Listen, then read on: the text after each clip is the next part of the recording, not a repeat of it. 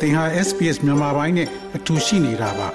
sbs.com.au/burmese မှာပုံမထူးခဲ့တဲ့သတင်းစာမားတွေကိုရှားဖွေပါ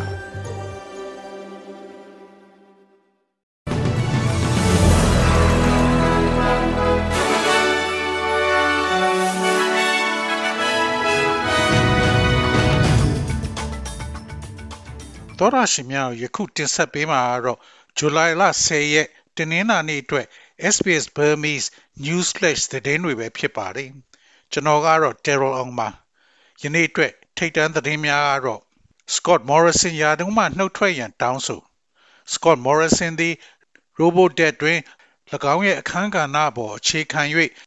ရခင်ကသူ့ရဲ့အစိုးရ၏ Robodebt အစီအစဉ်တွင် Royal Commission မှထုတ်ဖော်ထားတဲ့အစီရင်ခံစာကြောင့်ယာဒူးမှနှုတ်ထွက်ရန်တောင်းဆိုမှုများနဲ့ရင်ဆိုင်နေရပါတယ်။ Royal Commission သည် Mr. Morrison အပါအဝင်ညွန်ပေါင်းဝင်ကြီးဟောင်းများကိုအဆိုပါအစီအစဉ်ရဲ့တရားဝင်မှုနဲ့ပတ်သက်၍စိုးရိမ်မှုများကိုပယ်ချခြင်းသို့မဟုတ်လျှိလျူရှုထားခြင်းတို့ကို တွေ့ရှိခဲ့တယ်လို့ဆိုပါတယ်။ Nine Newspaper သည်ယခုအခါ Liberal MP Bridget Archer မှယာဒူးမှဆင်းပေးရန်တောင်းဆိုနေကြောင်းလည်းသတင်းပို့ထားပါတယ်။အဆိုအဝန်ဆောင်မှုဝင်ကြီး Bill Shorten ကဝင်ကြီးချုပ်ဟောင်းသည်တွေးရှိချက်ကြောင့်အရှက်ရသင့်တော်လဲလွှတ်တော်မှနှုတ်ထွက်သင့်လားဆုံးဖြတ်ရမှာက Mr. Morrison ပေါ်မှာမူတည်တယ်လို့ပြောဆိုပါတယ်။ National Party လွှတ်တော်မှ Barnaby Jones က7 Network သို့သူလဲအလားတူအမြင်ကိုခံယူထားကြောင်းပြောကြားခဲ့ပါတယ်။ American UK NATO ထိပ်သီးဆွေးနွေးပွဲ American သမ္မတ Joe Biden သည် လူသူရေးနီးယားတွင် ကျင်းပမဲ့ NATO မြောက်အတ္တလန်တစ်စာချုပ်အဖွဲ့ ထိပ်သီးအစည်းအဝေးမတိုင်မီ ဗြိတိန်သို့ ရောက်ရှိနေပြီဖြစ်ပါတယ်။လာမယ့် ထိပ်သီးဆွေးနွေးပွဲတွင် ယူကရိန်းစစ်ပွဲက လွှမ်းမိုးထားပြီး ရုရှားရဲ့ ကျူးကျော်မှုကိုစန့်ကျင်သည့် မဟာမိတ်အဖွဲ့ရဲ့စီလုံးညီညွတ်မှုကို ပြသမယ်လို့ မျှော်လင့်ရပါတယ်။ပထမဦးစွာ သမ္မတဘိုင်ဒန်သည် ဇူလိုင်လ10ရက်နေ့တွင် 10 Downing Street တွင် ဗြိတိန်ဝန်ကြီးချုပ် ရီရှီဆူနက်နှင့်တွေ့ဆုံမှာဖြစ်ပါတယ်။သူသည်နောက်ပိုင်းတွင် King Charles နှင့်တွေ့ဆုံရန်အတွက် Windsor Castle သို့သွားရောက်မှာဖြစ်ပြီး၎င်းတို့နှစ်ဦးသည်ရာသီဥတုဆိုင်ရာ ပမာဏခြေလှမ်းများကို ဆွေးနွေးမယ်လို့မျှော်လင့်ရပါတယ်။ကာဝေးဆွေးနွေးပွဲဂျာမန်နဲ့ဩစတြေးလျဝန်ကြီးချုပ်အန်သိုနီအယ်ဘနီစီသည်ဂျာမနီနိုင်ငံနှင့်ဒေါ်လာ1ဘီလီယံတန်ကာဝေးသဘောတူညီချက်ကို ရယူခဲ့ပြီးဘာလင်မြို့သို့ရောက်ရှိနေပါတယ်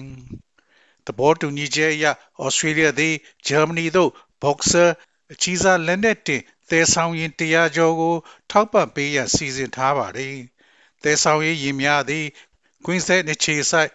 စစ်ပေရင်ဝန်ဆောင်မှုပေးသူမှ2025ခုနှစ်မှထောက်ပံ့ပေးမှာဖြစ်ပါတယ်။ Mr. Albanese က၎င်းသည်ဩစတြေးလျနိုင်ငံရဲ့အကြီးဆုံး ပို့ကုန်များထဲမှတစ်ခုဖြစ်ပြီးအလောက်ကန်အသစ်တစ်ထောင်ဖန်တီးပေးမှဖြစ်ကြောင်းပြောကြားခဲ့ပါတယ်။ဇူလိုင်လ17ရက်မှ12ရက်လူသူရေးနီးတွင်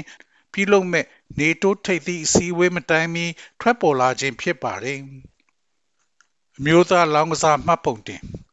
နိုင်ငံတော်ဆိုင်ရာလောင်ကစားစီရင်အသစ်တစ်ခုသည်လောင်ကစားအန်ရဲ့ကြားရောက်နိုင်ခြင်းရှိသောဩစတြေးလျနိုင်ငံသားများအားကူညီပေးမှဖြစ်ကြောင်း Federal ဆက်သွယ်ရေးဝန်ကြီးကပြောဆိုပါတယ်။ပြဿနာရှိသောလောင်ကစားသမားများသည်လောင်ကစားပြုပြင်ပြောင်းလဲမှုအစီအမံများရဲ့တစိမ့်တစ်ပိုင်းအနေဖြင့်နိုင်ငံလိုက်ကိုပိုင်ခြံလန်းမှုစည်ရင်းတွင် မကြာမီမှတ်ပုံတင်နိုင်တော့မှာဖြစ်ပါတယ်။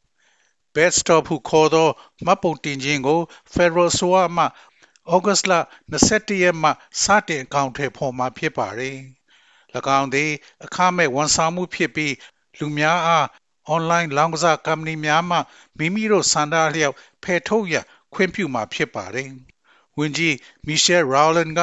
ဒါဟာသုံးစွဲသူများကိုအကာအကွယ်ပေးရေးမူပေါင်းအောက်မှာအကောင့်ထဲပေါ်နေတဲ့နောက်ဆုံးအစိတ်ပိုင်းဖြစ်တယ်လို့ပြောဆိုပါတယ်။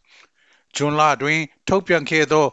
အွန်လိုင်းကစားဖြူပြင်ပြောင်းလဲမှုနှင့် ပတ်သက်၍ပါလီမန်ရဲ့ အစီရင်ခံစာကို လာမယ့်လတွင် မှတ်ပုံတင်ရန် စတင်လိုက်ခြင်း ဖြစ်ပါတယ်။အစီရင်ခံစာသည် သုံးနှစ်ကျော်အတွင်းအစဉ်စဉ်လှုပ်ဆောင်မည့် အွန်လိုင်းကစားကြော်ညာများကို ပိတ်ပင်ရန် အကြံပြုထားပါတယ်။နေစဉ်သတင်းတူများကိုပုံမကြားသိနိုင်ရန်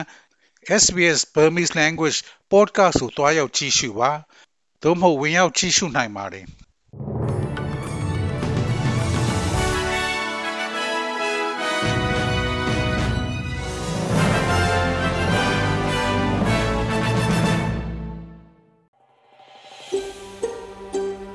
ဒါမျိုးသတင်းဆောင်မာတွေကိုပိုနားဆင်လိုပါလား Apple Podcast Google Podcast Spotify တို့မှာသင်ပင်ရာဖြစ်ဖြစ်ရယူတဲ့ podcast ကနေပါ